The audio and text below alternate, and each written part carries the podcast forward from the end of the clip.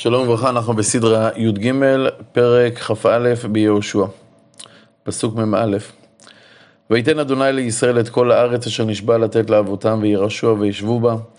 וינח אדוני להם מסביב ככל אשר נשבע לאבותם ולא עמד איש בפניהם מכל אויביהם, את כל אויביהם נתן אדוני בידם. לא נפל דבר מכל הדבר הטוב אשר דיבר אדוני אל בני ישראל, הכל בא. אדוני נתן לישראל את כל הארץ. ואנחנו שואלים הכיצד?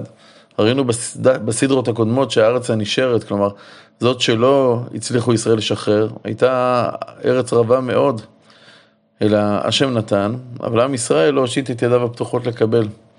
עם ישראל לא קיבל, או כי הוא לא האמין שהשם באמת יהיה בעזרו, ובעיני בשר הרואות סד... סדרי אה, כוחות צבאיים, נראה היה לו שהוא לא יכול לנצח. עם ישראל לא קיבל, אולי כי הוא היה ריאלי. היה נראה לו שאין הוא יכול להשתלט על ארץ כל כך גדולה, הוא מעדיף את ארץ ישראל הקטנה. השם השפיע שפע של, של כל ההבטחה שניתנה לאבות, את הכל נתן השם, אבל אנחנו בחוסר אמון עמוק קיבלנו מכל השפע רק חלק קטן. נמשיך. אז יקרא יהושע לראובני ולגדי ולחצי שבט מטה מנשה, ויאמר עליהם אתם שמרתם את כל אשר ציווה אתכם משה עבד אדוני, ותשמעו בקולי לכל אשר ציוויתי אתכם, לא עזבתם את אחיכם, זה ימים רבים עד היום הזה, ושמרתם את משמרת מצוות אדוני אלוהיכם, ועתה הניח אדוני אלוהיכם לאחיכם כאשר דיבר להם. ועתה פנו ולכו לכם לאוהליכם, אל ארץ אחוזתכם אשר נתן לכם משה עבד אדוני בעבר הירדן. 14 שנים, כך לפי חז"ל, לקח הכיבוש והחלוקה. אחרי 14 שנים, שניים וחצי השבטים שמילאו את תפקידם יכולים לחזור הביתה. רק שמרו מאוד לעשות את המצווה ואת התורה אשר ציווה אתכם משה עבד אדוני, לאהבה את אדוני אלוהיכם, וללכת בכל דרכיו, ולשמור מצוותיו ולדבקה בו, ולעובדו בכל לבבכם וכל נפשכם. ויברכם יהושע וישלחם, וילכו אל, אל אוהליהם. יהושע ומצווה אותם לשמור את מצוות השם.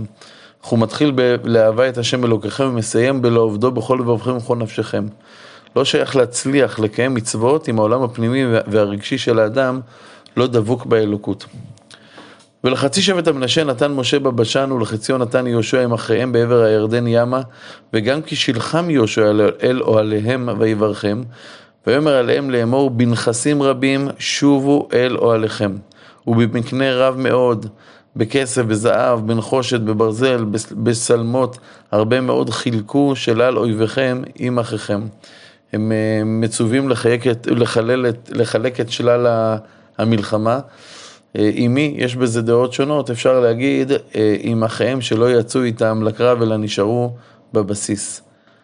וישובו וילכו בני גרובן ובני גד וחצי שבט המנשה מאת בני ישראל משילה אשר בארץ כנען ללכת אל ארץ הגלעד, אל ארץ אחוזתם אשר נוחזו בה על פי אדוני ביד משה, ויבוא אל גלילות הירדן אשר בארץ כנען, כלומר הם מגיעים לגלילות הירדן, זה כנראה בקעת הירדן, ויבנו בני, גד, בני ראובן ובני גד וחצי שבט המנשה, שם מזבח על הירדן, מזבח גדול למראה. הם בונים שם מזבח. וישמעו בני ישראל לאמור, הנה בנו בני ראובן ובני גד וחצי שבט המנשה את המזבח אל מול ארץ כנען, אל גלילות הירדן, אל עבר בני ישראל. וישמעו בני ישראל ויקהלו כל הדת בני ישראל שילה לעלות עליהם לצבא. יש איסור להקריב במקום אחר חוץ משילה. הקמת המזבח בירדן מוביאה אותם לגיוס כללי לקראת מלחמה.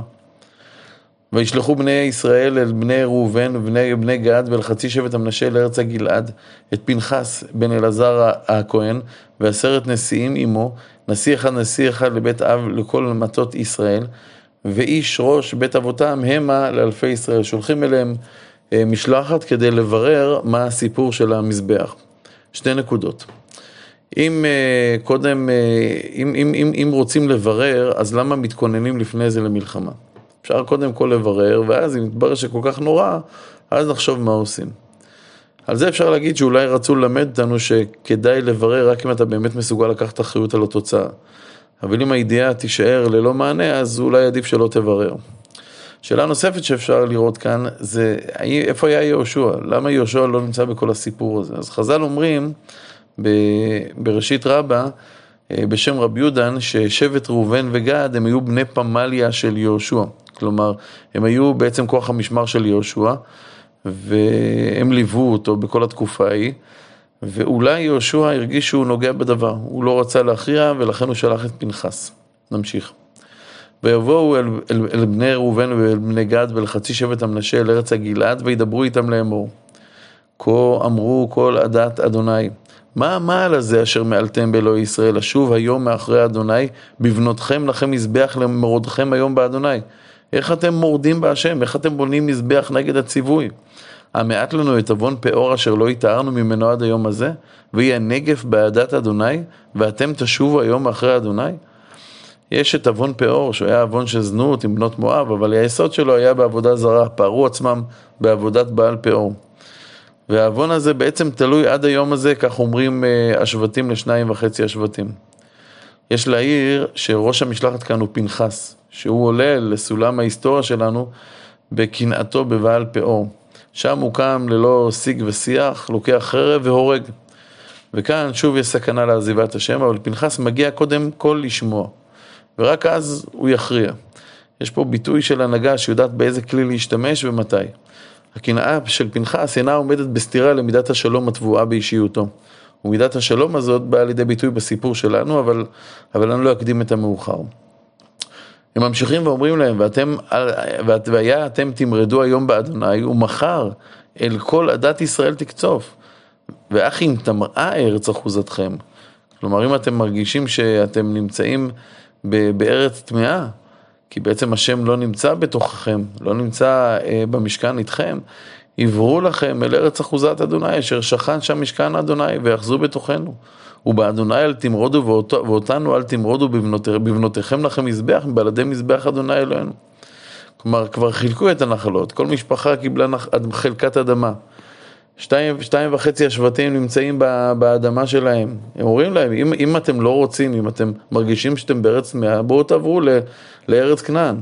עכשיו זה ברור שאם שתיים וחצי השבטים החליטו לעבור לארץ כנען, זה יערער את כל המערכת הזאת של חלוקת הארץ, וזו סכנה עצומה. אבל החשש של המרד בהשם הרבה יותר דרמטי מהבעלות על, על חלק מארץ ישראל. אנחנו עדיין לא שם, אבל דור אחד אחרי זה, בתקופת השופטים, עם ישראל עובד עבודה זרה באופן שיטתי. וכאן הם באטרף מכל סטייה מדרך השם, הפערים האלה בזמן כל כך קצר, זה, זה פער בלתי נתפס. ובעצם ממשיכים אותה משלחת לומר לשניים וחצי השבטים. הלא החן בן זרח מעל מעל בחרם, ועל כל עדת ישראל היה קצף. והוא איש אחד, לא גבה בעוונו. כלומר, חטאו של החאן שלקח מהחרם ביריחו וכל ישראל נענשו על כך, השאיר חותם אדיר, כל ישראל ערבים זה בזה. החאן היה אחד, כאן יש פה שניים וחצי שבטים חוטאים. והיינו בני ראובן ובני גד וחצי שבט המנשה וידברו אל, תרשב אלפי בישראל. אל אלוהים אדוני, אל אלוהים אדוני, הוא יודע וישראל הוא ידע. אם במרד אם במעל באדוני, אל תושיענו היום הזה.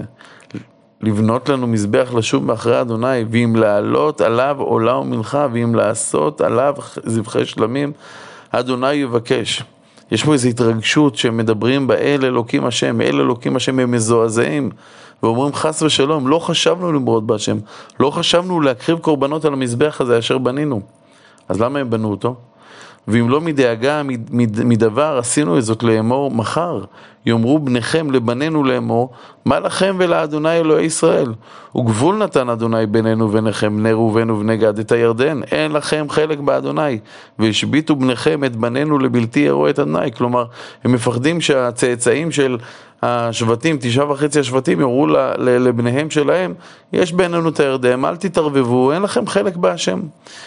מה נעשה? ונאמר, נעשה לנו, נעשה נא לנו לבנות את המזבח לא לעולה ולא לזבח, כי עדו בינינו וביניכם, בין דורותינו לאחרינו, לעבוד את עבודת אדוני לפניו, בעלותינו ובזבחנו ובשלמנו, ולא יאמרו בניכם מחר לבנינו אין לכם חלק באדוני.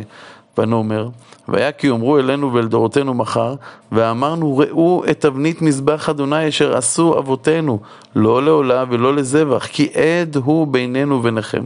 חלילה לנו מלמרוד באדוני ולשוב היום מאחרי אדוני לבנות מזבח לעולה, למנחה ולזבח, מלבד מזבח אדוני אלוהינו אשר לפני משכנו. כלומר, ודאי שאנחנו לא רוצים להשתמש ולהקריב במקום אחר מלבד שילה.